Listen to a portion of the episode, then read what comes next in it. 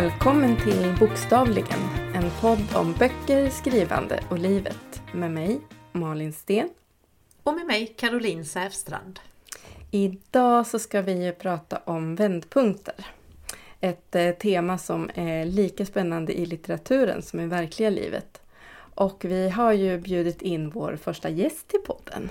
Åh, oh, det är så spännande! Ja, verkligen.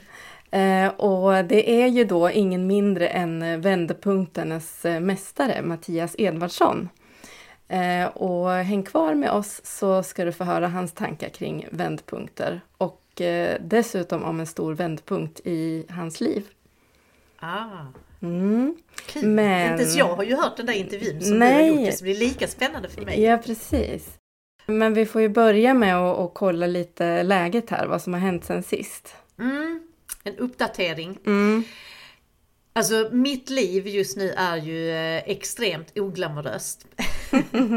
jag har ju helt klivit in i den här berömda skrivbubblan så jag tassar ut i min skrivstuga tidig morgon. Eh, sen sitter jag där, skriver, dricker kanske två till tre koppar kaffe.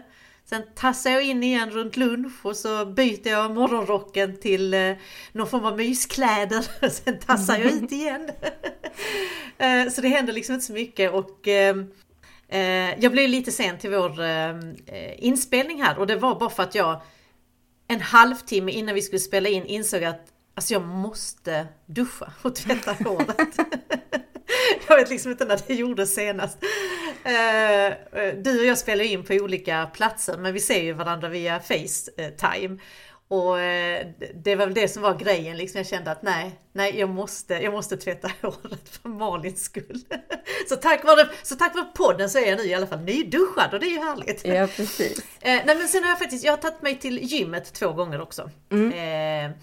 och Alltså jag har ju inte den här genen som gör att man liksom känner en lust och glädje i att ta sig iväg till gymmet. Det är alltid jätteskönt när man väl har gjort det. Mm. Men det är just den där tröskeln innan man kommer dit. Jag har liksom tusen bortförklaringar. Um, så ja, men jag har ändå lyckats ett par gånger och, och, min tanke är väl att jag ska eh, ta ett pass till antingen idag eller imorgon då. Mm. Så att jag, jag, måste få till det. Men jag såg faktiskt att du också hade varit på gymmet. Hur går det för dig? Jo, men jag försöker ju också gymma. Alltså jag gymmar på gym en gång i veckan. Men mm. sen har jag, gör jag ett pass hemma också. För jag vet liksom med mig att jag kommer inte komma iväg till gymmet två gånger i veckan. Men, men eh, Eh, eh, och jag har inte heller den där genen. Alltså jag tycker ju inte att det är kul att träna men jag tycker Nej. att det är väldigt kul när det är klart. Precis. Eh, och, mm. och jag har ju också insett att jag behöver det för att jag är så stillastående. Även om jag nu står upp och jobbar för jag har sedan ganska lång tid tillbaka ett höj och sänkbart skrivbord. Så att jag mm. sitter ju ganska sällan och skriver. Eh, vilket har räddat mina axlar och min nacke tror jag en del. Men sen är det ju det där att, att man behöver ju stärka upp också. Så att, ja, mm. Mm. Så det, med, med åldern så kommer det ju också. Det gick bra i, i, många år men efter ett tag så var det bara att nej nu måste jag nog faktiskt börja gymma. Precis, nej men det är ju det, det tar ju stryk när man sitter eh, stilla så himla mycket. Jag, jag ska skärpa till mig för jag har ju också ett höj och sänkbart bord. Så att mm. jag måste börja använda det så att man i alla fall kan skifta lite. Ja.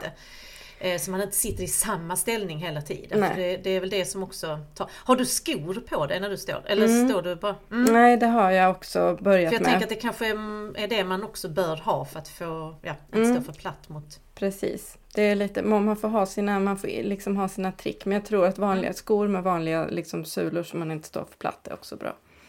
Ja, men det är ju ett, ett härliga tips till alla eh, författare faktiskt. för att eh, det är inte så, det är mycket det där med det ergonomiska egentligen. För Verkligen. att eh, har man ont så blir det ju jättejobbigt att, att skriva. Mm. Mm. Så ja, nej, men jag har ju då gymmat lite och promenerat en del och eh, också skrivit en del. Eh, mm. Men, men eh, hur, hur går det känner du då? Alltså du är i skrivbubblan, men går det bra? Ja men det går bra, men jag har ju ett, eh, ett som jag sa redan förra gången, jag, jag kan ju inte riktigt berätta om det jag håller på med än, men, men eh, det är ett tajtare schema än vad jag någonsin har haft innan, vilket både är spännande men också sådär lite ångestladdat såklart. Mm. Så jag skriver ju i ett tempo som jag aldrig har gjort tidigare. Ehm, så, eh, och därför behöver jag verkligen det här sänkbara bordet nu. Ja, jag förstår. Jag förstår. Mm. Ja. Nej, men jag, jag har ju faktiskt som du då eh, inte gjort så mycket annat än att skriva. Och, och, jag tänkte på det innan att det är ju det jag alltid har drömt om. Att, mm. att verkligen få göra det. Eh, och, och, samtidigt så, så märker jag ju att jag blir lite knäpp av att bara sitta här hemma och skriva. Jag behöver liksom det sociala och, och komma utanför huset och sådär och träffa folk. Så att jag försöker liksom att boka in någon lunch eller någon träff med en kompis eller sådär någon gång i veckan i alla fall för att det inte är helt mögla här hemma. och och eh, lite grann, eh, ja nej men jag, jag, tänker Förr var jag ju ute jättemycket på författarbesök och det, och det är ju, ingår ju på något vis i eh, författarskapet tänker jag, när jag är ute på skolor och sådär. Um, och hade det varit för ett par, tre år sedan så hade jag haft panik för att jag inte har så många besök just nu. Men, men eh, nu, just i detta ögonblick, har jag ju den möjligheten att jag verkligen kan fokusera på skrivandet. Och så försöker jag att inte tänka ett eller två år framåt. Eh, utan bara tänka att nu går det bra, nu är, jag, nu är det nu liksom. Mm. Och det så... måste man, den förmågan måste man nog ha som författare.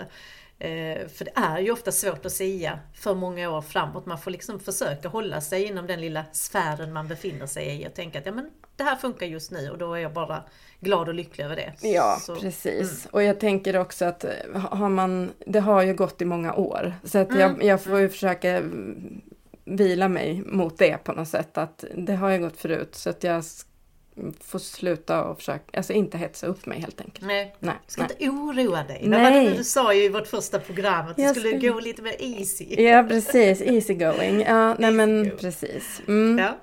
Men du, eh, ska vi gå in på temat kanske? Det tycker jag. Vändpunkten. Mm.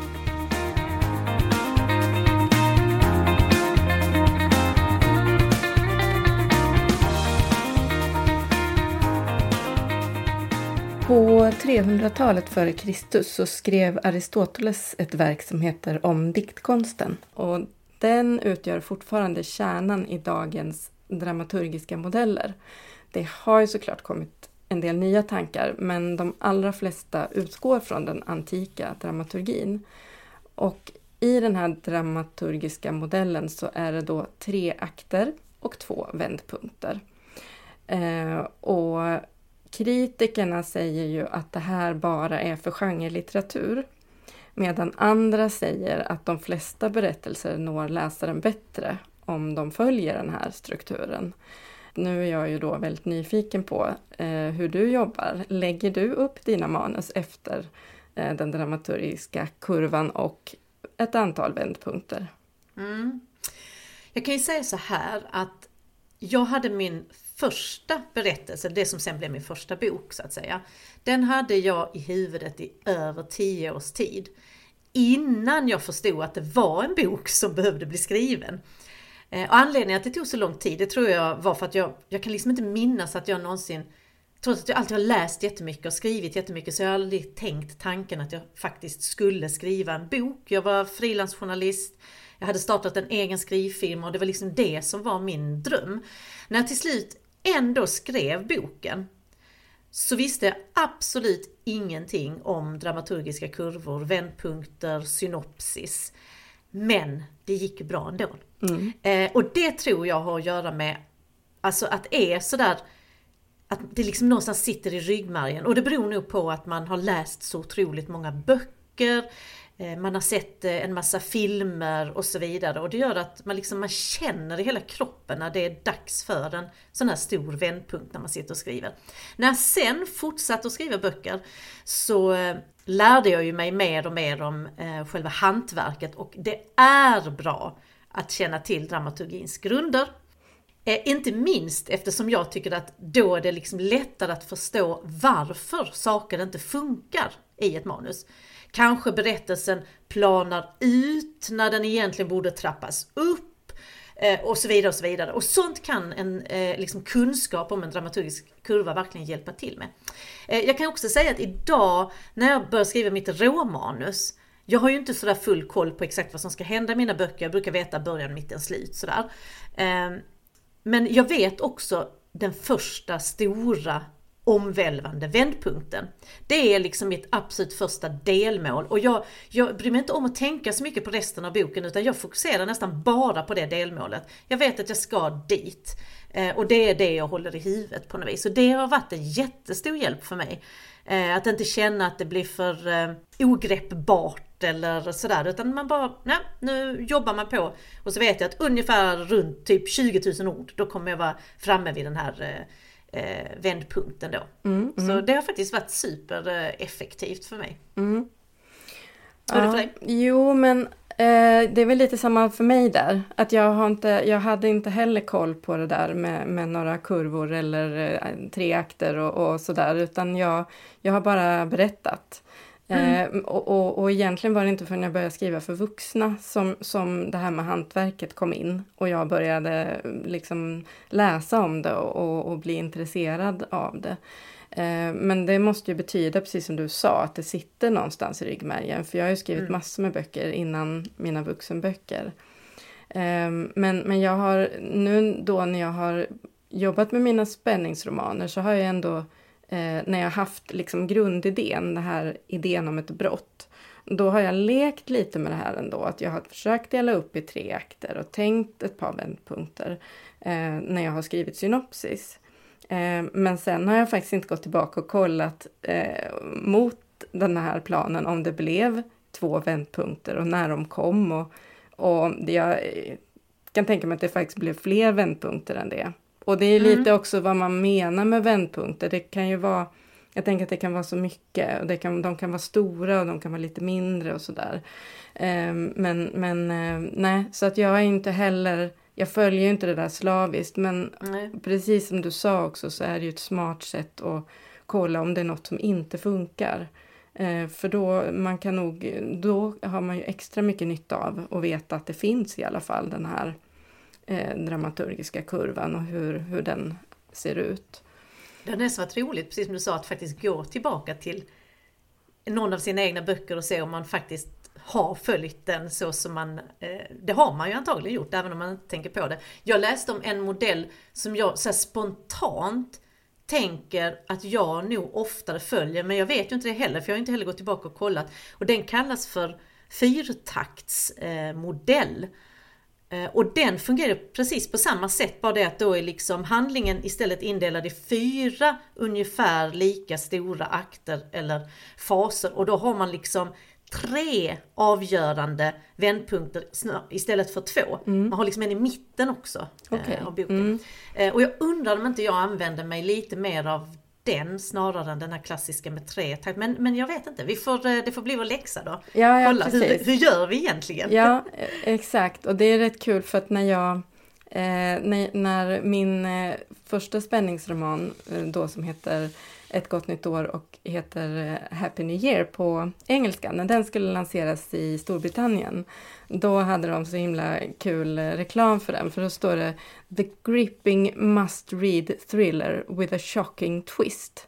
Okay. Ja, och det, det ja. låter ju väldigt spännande. Men ja. det roliga är att jag vet inte vilken vändpunkt de, de eh, pratar om där egentligen. För att jag tycker att det finns rätt många i manuset. Ja. Och det är klart att det, den största twisten är kanske vem som är mördaren. Men jag mm. undrar om det är den de menar eller om det är någonting annat på vägen. Precis, det, för det brukar ju ändå vara i spänningsromaner. Ja. Att det är den här som fokuserar lite grann på slutet. Mm. Den här mm. sista twisten. Ah, vad spännande! Ja. ja. Så att, ja. Jag gillar ju också att lägga in eh, vändpunkter på, på slutet, alltså precis på slutet, även om mm. det inte riktigt ingår i, i den här dramaturgiska modellen då. Eh, men jag tänker att jag säger inte så mycket mer om det för att Mattias och jag kommer faktiskt in på det lite grann i, i intervjun så att eh, ah. jag sparar, sparar det. Mm. Mm. Spännande. Mm. Sen är det så, vändpunkter är ju liksom lika spännande i böcker som i livet. Så är det ju. Mm. Mm, och du och jag, det är ju lite kul med oss för att vi, vi har ju lärt känna varandra nu under tidens gång men vi känner inte varandra jätte, jätteväl så det är alltid någonting nytt som dyker upp när man pratar och det där är så himla kul. Så jag tänkte, alltså, har du någon sån här Alltså vilken är en av dina största vändpunkter i livet? Jag tänker att nu får vi bortse från de här klassiska jag träffade mannen i mitt liv och vi skaffade underbara barn. Ja, de precis. Vi tar de andra, Du de tar andra, andra. roliga vändpunkterna. Ja, exakt. Ja, nej, men då tänker jag väl att, att den första är kanske det här när jag sa upp mig från en fast tjänst för att satsa på att vara frilans ändå. För det, Mm. det, är väl liksom, det var ändå på något vis startskottet för att, att börja skriva. Men jag hade ju inte tänkt att skriva eh, vara författare liksom först, utan det var mer att vara frilansredaktör. Så det Mm. är kanske den första liksom, riktiga vändpunkten så, eh, i yrkeslivet. Men jag skulle säga att den, den allra största och kanske mest inspirerande vändpunkten för, för eh, blivande författare också, det är ju när jag då skrev Ett gott nytt år. För att den har ändå varit en, en väldigt stor vändpunkt i, min, eh, i mitt författarliv. Mm. Eh, och, och det var ju så att jag hade lite glapp eh, i, i... Jag hade skrivit flera, massa barnboksmanus som låg på vänt. Ja, men så fick jag en idé då att skriva en, eh, för vuxna och så gjorde jag det bara på, på skoj. Mm. Eh, och sen blev jag ju som besatt av det här manuset. Jag kunde liksom inte sluta för jag tyckte det var så himla kul. Eh, och jag la ner oerhört mycket tid. Jag hade ju först bara tänkt, eh, jag skriver några månader, men jag kunde inte sluta. Och sen, sen och så under tiden där så lyssnade jag ju jättemycket på olika poddar och jag läste hantverksböcker och alla poddar var ju verkligen det här nålsögat och det är så svårt och det är inte jätteuppmuntrande då när man håller på med ett manus, men jag tänker att om man då fortsätter att skriva, fast, fast att man vet hur himla svårt det är, så, så har man ju ändå, då har man nått det första, liksom tagit sig över det första Mm. hindret. Eh, Så jag skrev och skrev och, och sen hade jag ett manus som jag inte riktigt, eller jag kände jag kommer inte längre med det här. Eh, Så jag efter, ja det var väl nio månader eller något, jag tog ingen semester det året, jag bara körde liksom. Mm. Skicka Och du har in- inte tagit semester sedan dess? Nej, Det är så det brukar vara. ja, nej men... Jag känner igen det. Ja, och, och sen så, så skickade jag in det och så fick jag ganska snabbt ett, ett eh, väldigt trevligt eh, svar från en, en förläggare som, eh, på ett av de större förlagen som sa ja men det här är jättebra. Eh, och jag var ju mallig då och tänkte att det här, det är ju lätt. Det var ju ingen konst att skriva för vuxna. Eh, men sen kom det ju några veckor senare då ett, ett nej tack. Med ett ganska eh, ja men lite sådär eh, tuff refus. Alltså inte tuff på det viset, men, men jag som har skrivit så många böcker, jag blir lite kränkt nästan. Jag Mm. tänkte, kom inte och säg till mig hur man skriver böcker. Jag har ju skrivit 50 stycken nästan, men, men, men efter några dagar så börjar jag ändå känna att ja, det här är det här är någonting som jag nog måste jobba med. Så att faktum är att jag mejlade till alla, alla förlag jag hade skickat in manuset till och sa att eh, läs inte det här för att jag behöver nog jobba vidare med det. Eh, och så jobbade jag ett tag till, eh, fick en, en eh, lektör att läsa och ge mig ett utlåtande. Eh, och sen när jag hade jobbat igenom den versionen, då skickade jag iväg det igen. Och då, det var kanske ett halvår senare. Eh, och då hände det ju grejer. Mm. Alltså redan morgonen efter jag hade skickat in det här på kvällen så fick jag mail från en förläggare som Oj. var supertaggad. Eh, och sen så hade vi en ganska långtgående diskussion och sen gick det någon vecka och sen plötsligt så trillar det in fler mail från andra Mm. förläggare. Mm. Och du vet, jag var så här, när den fjärde förläggaren hörde av sig på samma vecka, då tänkte jag att nej, nu, nu ska jag nog inte förhandla det här själv, för att det här fixar inte jag. Eh, och då tog det ju typ en dag så hade jag min drömagentur. Mm. Eh, och sen tog ju de över hela förhandlingen. Mm. så under ett par veckors tid där så hade jag, det var ju under pandemin, så att jag hade så här Zoom-möten med förläggare som satt och liksom lovordade mitt manus.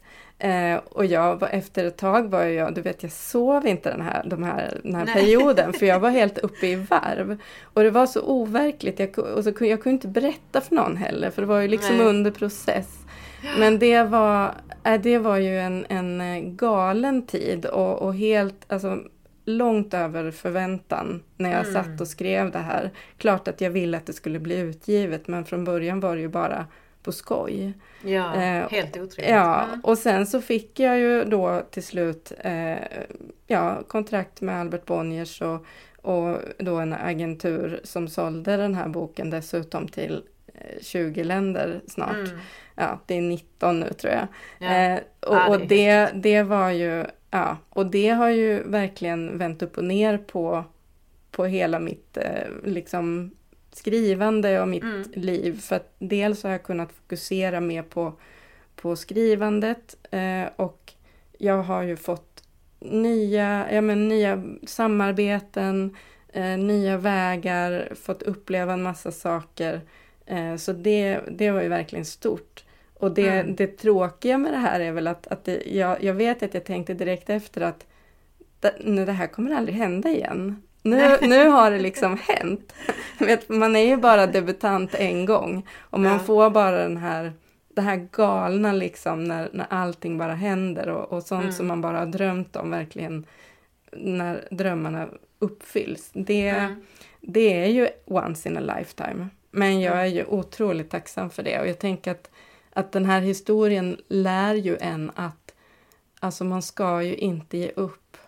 Nej. Om man får ett nej och man dessutom får en motivering till varför man får ett nej så handlar det ju bara om att lägga ner.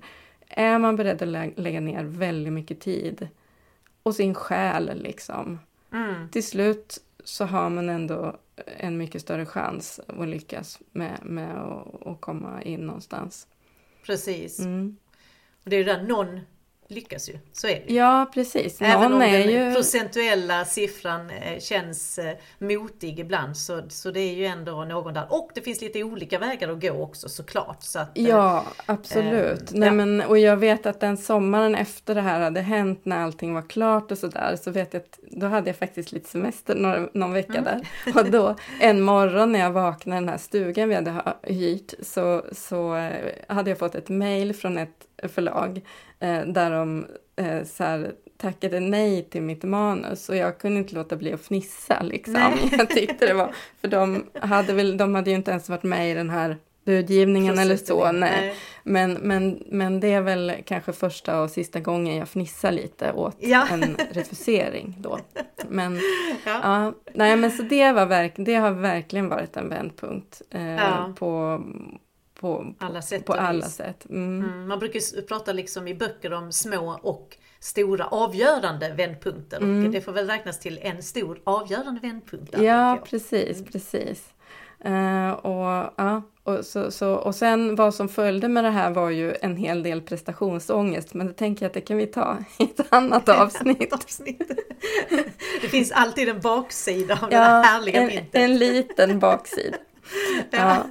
Men du, eh, vad säger du då om eh, vändpunkter i livet? Livets härliga vändpunkter. Mm. Ja, men jag kan säga, eh, en av de första stora vändpunkterna dök faktiskt upp när jag var i typ 20-årsåldern. Eh, då läste jag en bok som hette Det är en sån här bok som du hade älskat Malin. Ja, Den heter Tro på dina inre krafter. det är typiskt sånt som jag får lite allergi av. Jag vet! Eh, av då någon eh, som heter Wayne We Dyer. Och alltså det här var en sån otroligt amerikansk bok. Eh, jag hade också skrattat tror jag om jag hade läst den idag. Jag försökte hitta om jag hade kvar den men jag, men jag kunde inte hitta den. Men den ligger någonstans i gömmorna säkert. Eller så har jag gett bort den på en loppis, jag vet inte. Eh, jag hade nog också skrattat om jag hade läst den nu. Men där och då så tilltalar den verkligen mitt 20-åriga jag. Eh, och eh, den handlar ju jättemycket om att liksom lära sig ta kommandot över sitt eget liv och sina egna tankar och inte vara offer för liksom omständigheter och så vidare. Och så vidare.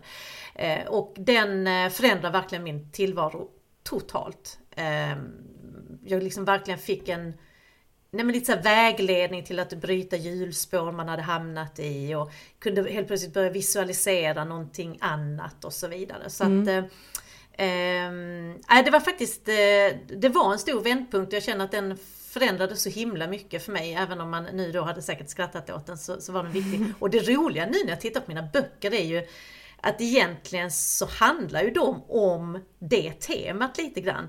Jag använder mig alltid av så lite vilsna tilltufsade karaktärer med tungt bagage som då i boken hittar liksom verktyg till förändring inom sig själv fast oftast då med hjälp av andra människor.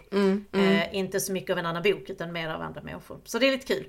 Alltså det var en stor vändpunkt. Eh, en annan stor vändpunkt var när jag startade min, eh, det är lite som du hade där när du eh, liksom hoppade av ditt fasta jobb och så. Och det var samma sak för mig när jag startade min egen skrivfirma. Och detta är väl, jag tror jag startade den 2001. Eh, då hade jag pluggat till journalist, jag hade fått ett eh, erbjudande om ett vikariat på en, eh, ja, en sån här lokal dagstidning.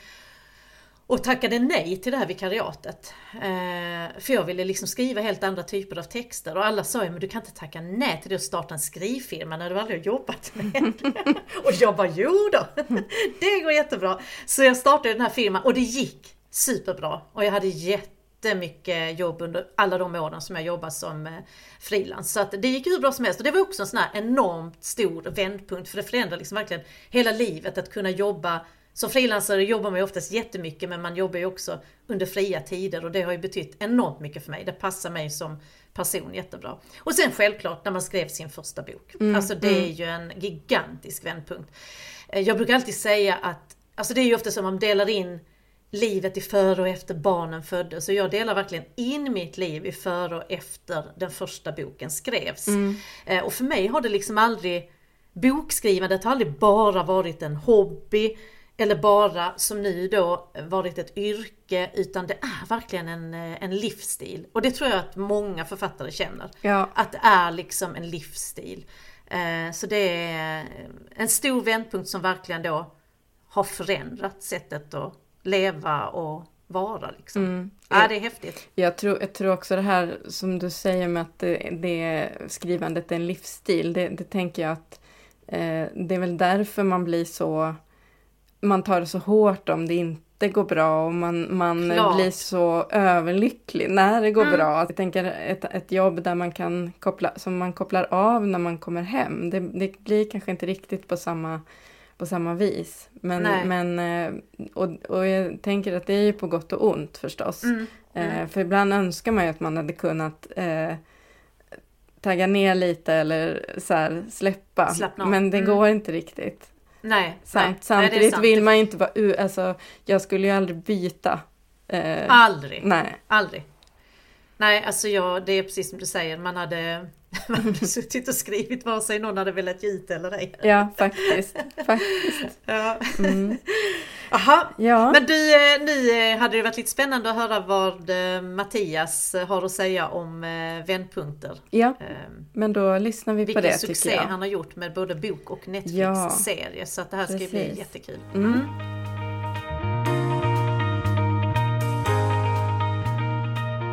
Jag har ju tagit med mig eh, min mikrofon till Löddeköpinge för att intervjua poddens första gäst. Eh, välkommen till Bokstavligen Mattias Edvardsson. Tack så mycket. Vilken ära att få vara den första gästen. Ja, världshistoriens första gäst i Bokstavligen. Du, eh, vill du bara lite kort presentera dig själv?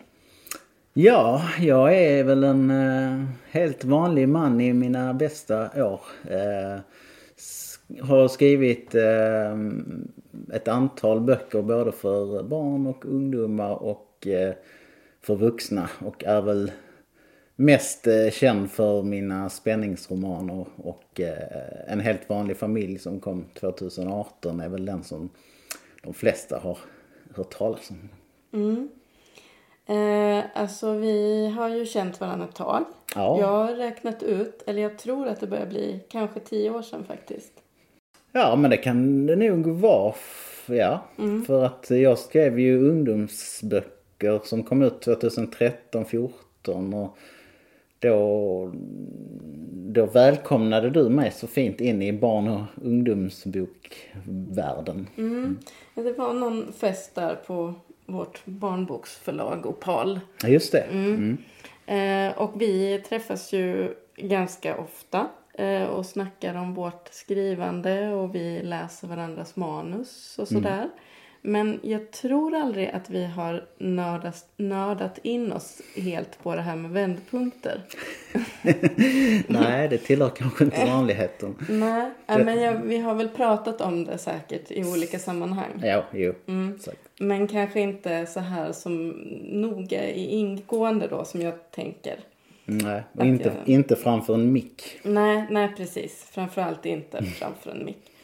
Eh, alltså enligt den klassiska dramatiska kurvan så ska man ju då ha tre akter och två vändpunkter i en berättelse. Mm. Eh, och jag undrar, tänker du på det här när du sätter igång och skriver någonting?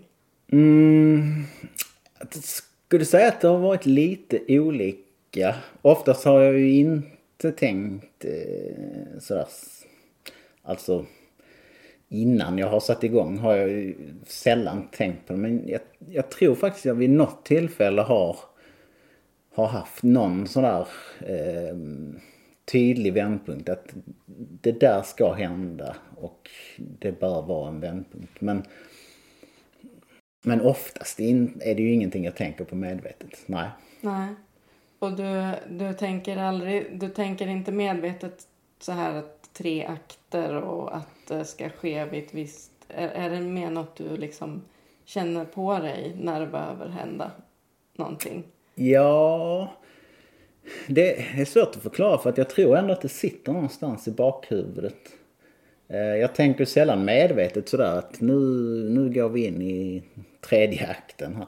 Men det finns ju någonstans med mig, tror jag, den där valen som jag, jag är ju jag är ju gammal svensklärare så att det är ju sånt som jag har känt till i hela mitt liv nästan. Mm. Eh, och eh, det sitter någonstans i bakhuvudet. Eh, och, och, det tror jag nästan det gör med, alltså även om man inte har hört talas om den här dramaturgiska kurvan så blir ju väldigt många berättelser berättade på det sättet. Trots mm. att man inte vet, känner till den. Som om det är någon någonting nedärvt. Eh, så. Sen, ja. Det är också svårt liksom, vad, vad, är, en, vad är en vändpunkt? Och det, det är ju en väldigt förenklad modell. Eh, för att i, när man pratar om den här med tre akter och så point of no return. Det låter nästan som att det ska vara att det ska vara en tydlig sådär, en punkt. Mm. Där, där eh, detta händer och sen finns det ingen återvändo. Och så är det kanske eh, sällan, tänker jag. Att det mer är någon slags uppbyggnad till en eh, point of no return. Och så.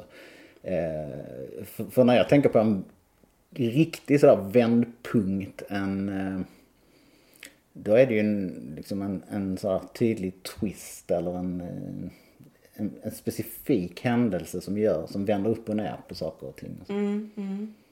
När, när du, om vi säger att du har ett manus där du har kanske en sådär tydlig vändpunkt och så känner du kanske att du behöver fler.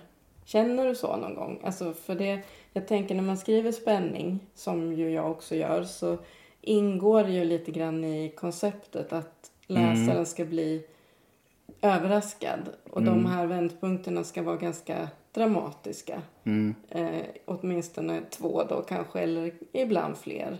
Mm. Men händer det när du liksom har ett ganska färdigt manus att du kan känna så här att nej men jag skulle behöva ha någon, en twist till? Mm, jo men det kan ju definitivt eh, hända, ja. Mm. Eh, och ofta när jag, när jag har skrivit ett första utkast, sen efter det så händer det väldigt mycket. Då skriver jag om allting i kanske två, tre gånger. Och då kan jag upptäcka sånt där att här behöver det hända någonting. Här behöver läsaren bli överraskad. Och, och så lägger jag in eh, nya saker. Det, det är ju, det sker hela tiden. Mm. Eh, jag tycker också att jag försöker balansera Alltså, eh, det fanns ju...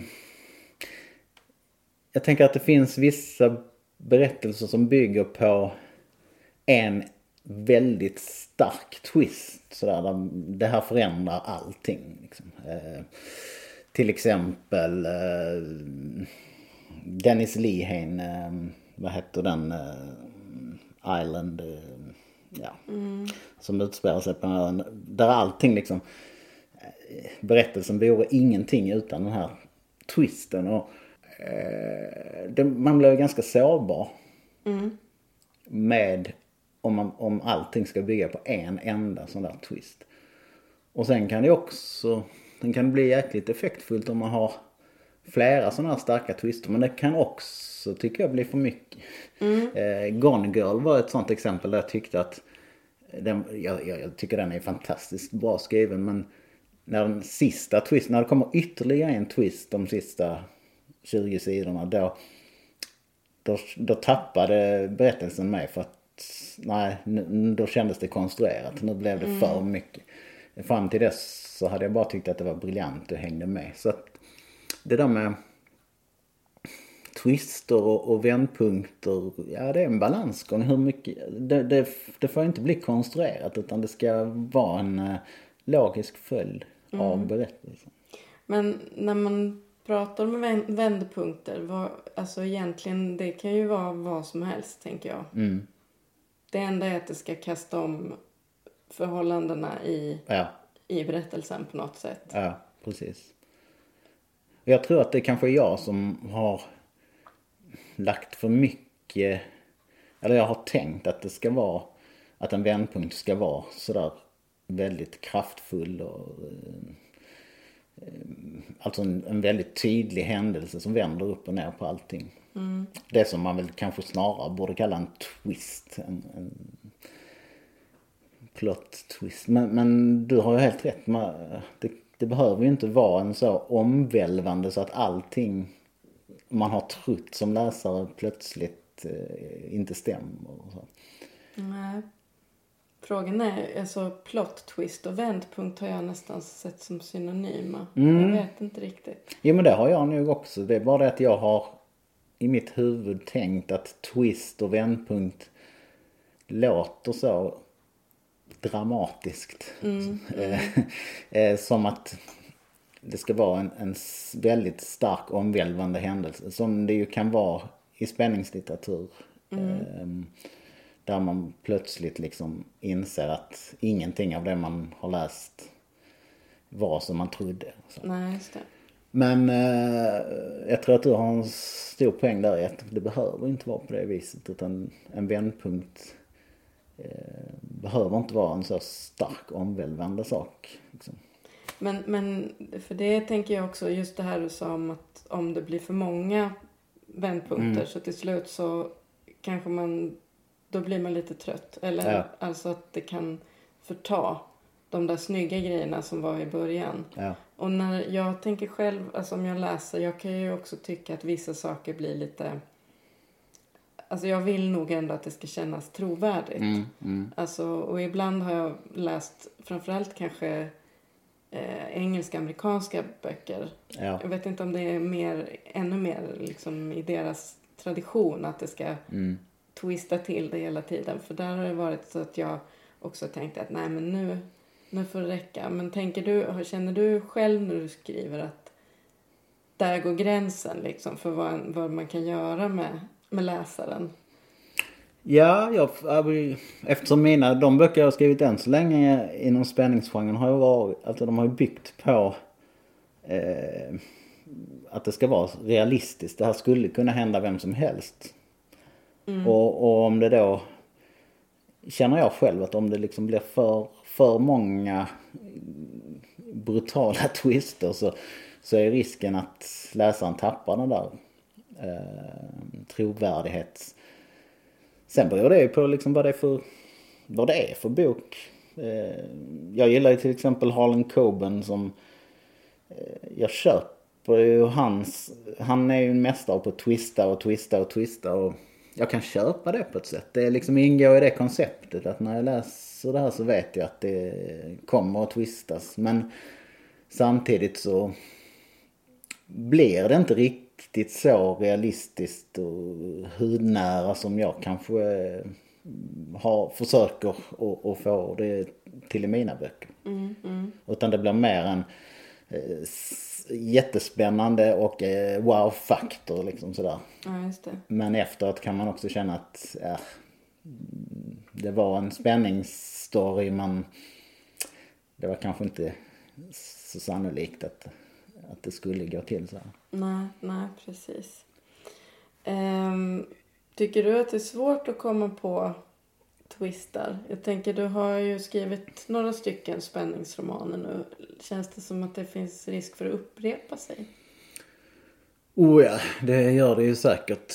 Alltså hur många twister kan man egentligen ha? Eh, alltså när jag skrev eh, En helt vanlig familj som var min första spänningsroman. Den byggde ju egentligen på en eller, det fanns en stor twist liksom när, när man får veta att mamma, mamman också har haft en stor roll i det som har hänt. Som man inte, förhoppningsvis inte har räknat ut tidigare. Mm. Det var en sån där grej som jag kom på i typ andra eller tredje omskrivningen. Det var ingenting jag hade tänkt ut från början att hon skulle ligga bakom saker.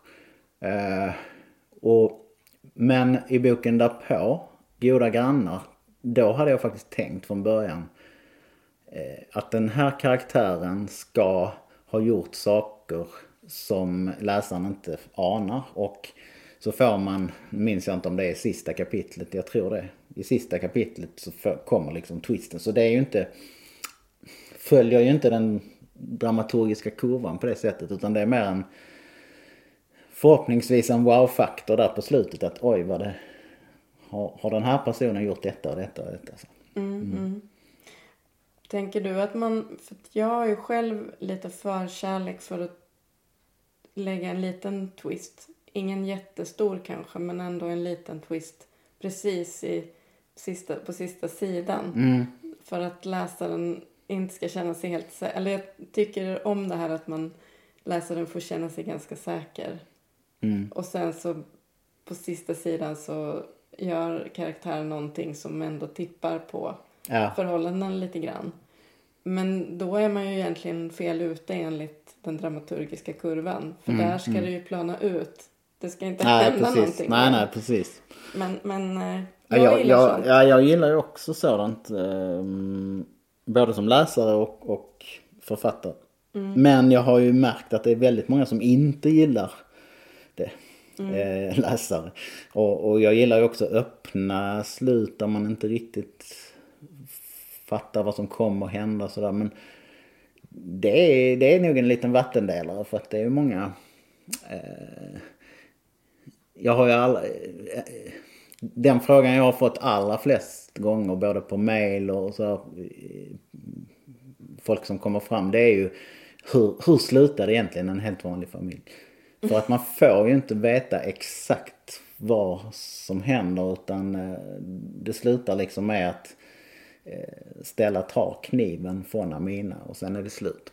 Mm. I boken. Och den frågan har jag fått massvis med gånger. Vad hände egentligen? Jag vill mm. veta exakt. Och då tänker jag själv att det kan man ju räkna ut men man får det inte serverat. Eh, sen i, i, när de gjorde tv-serier av den så, så ville man ju då följer det mycket mer den dramaturgiska kurvan för då ville man, absolut vill man visa, man måste visa vad som sker. Mm, mm.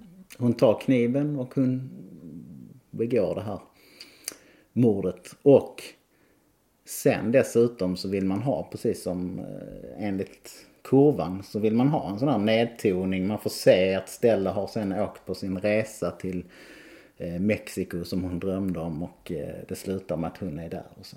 Mm.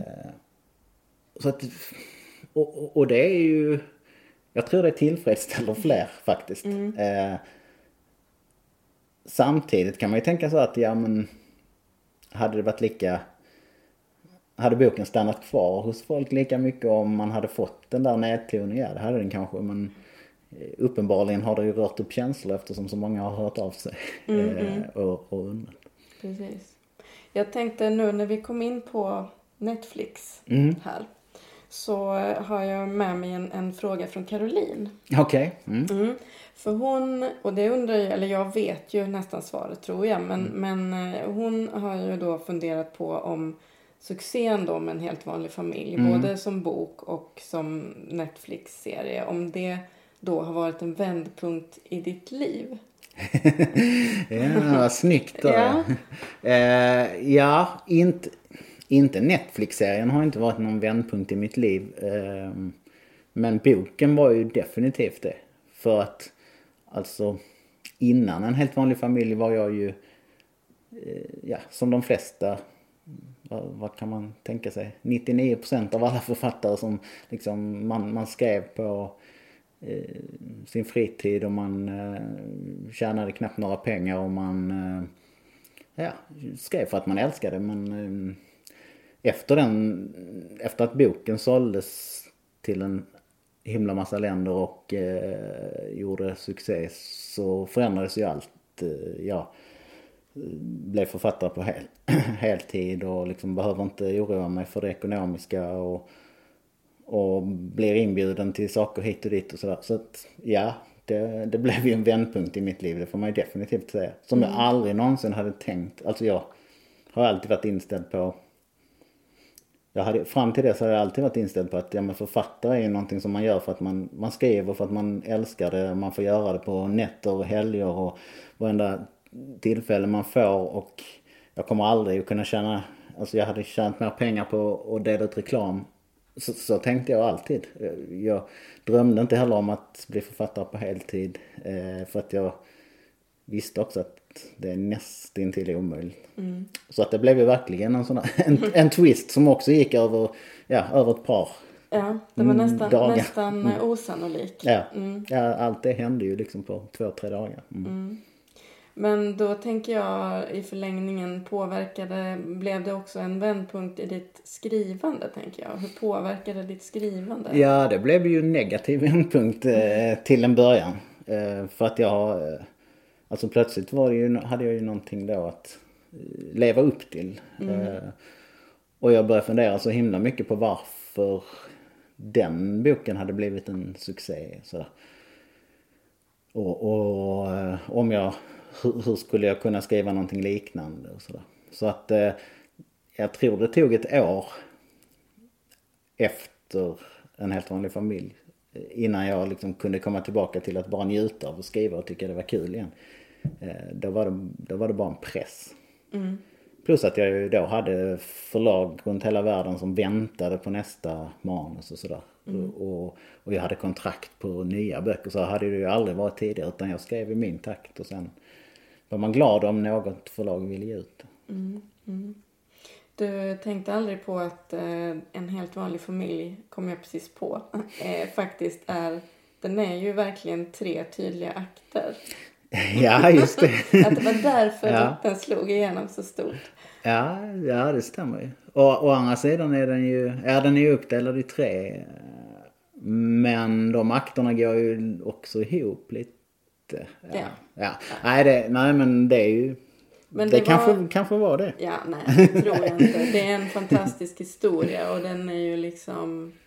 Eh, det har, jag tror inte... Den, det har säkert med den dramaturgiska uppbyggnaden att göra, Mm, men inte på grund av att... det- Men jag tänker att eh, också det här var ju lite nytt, tror jag, just då. Ja. Att man delade upp. Ja, ju, jo, det var det ju. Det var ju inte helt vanligt med olika. Överhuvudtaget med olika berättarröster och så i, i olika perspektiv i jag-form var ju inte så himla vanligt eh, som det kanske är nu. Sen var det... Eh, sen är det ju också märkligt på det sättet att eh, jag håller på att prata, eh, prata jag pratade lite om perspektiv och sådär och, och då eh, Ja men då är det ju egentligen så att den är uppbyggd på ett sätt som som borde göra det svårt för att den hoppar ju mellan olika tider och den hoppar sen mellan olika personer och den återberättar ju också samma händelser ur olika perspektiv. Alltså allt det där är ju egentligen sånt som om man ska följa liksom råden för hur man ska skriva så, så lättillgängligt som möjligt så är det ju kanske inte att rekommendera. Ehm, men det är ju det som också är det fantastiska med, med berättandet. Mm. Att man kan ju inte, alltså det finns inget recept. Man kan inte följa Nej. något och veta hur man ska göra för att det ska bli en succé. Nej, det är väl tur det. Ja, det hade ju varit rätt trist. Mm. Men du, eh, tusen tack för att jag fick eh, prata vändpunkter med dig. Tusen tack för att jag fick vara gäst.